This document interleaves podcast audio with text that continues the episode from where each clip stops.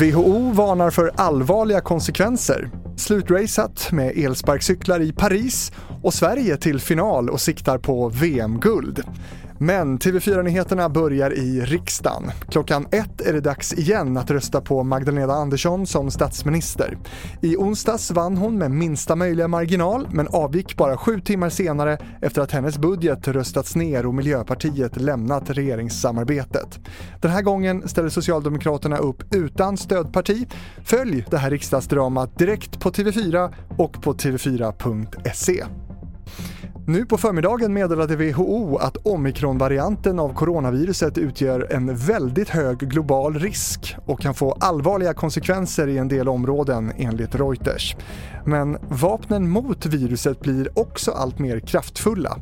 Snart kommer två antivirala läkemedel att finnas på marknaden som tycks ha bra effekt. Sannolikheten att antivirala läkemedel funkar mot alla varianter och även framtidens coronaviruspandemier, den är stor och det är bra. Det sa virologen Niklas Arnberg. I Paris har de lokala myndigheterna bestämt sig för att elsparkcyklar måste ha en fartbegränsning som gör att de inte kan framföras i högre hastighet än 10 km i timmen. Det här rapporterar Techcrunch. Beslutet kommer efter att flera olyckor med elsparkcyklar inträffat i stan. I somras avled en kvinna kort efter att ha blivit påkörd av två personer på en elsparkcykel i Paris. Och till sist, det kan bli svenskt VM-guld i bordtennis. Mattias Falk och Christian Karlsson är klara för final i herrdubbel i bordtennis-VM i Houston.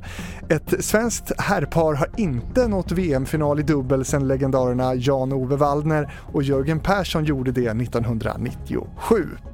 Fler nyheter hittar du i vår app TV4 Nyheterna och på TV4 och TV4.se följer du också riksdagsomröstningen. Jag heter Fredrik Rahlstrand.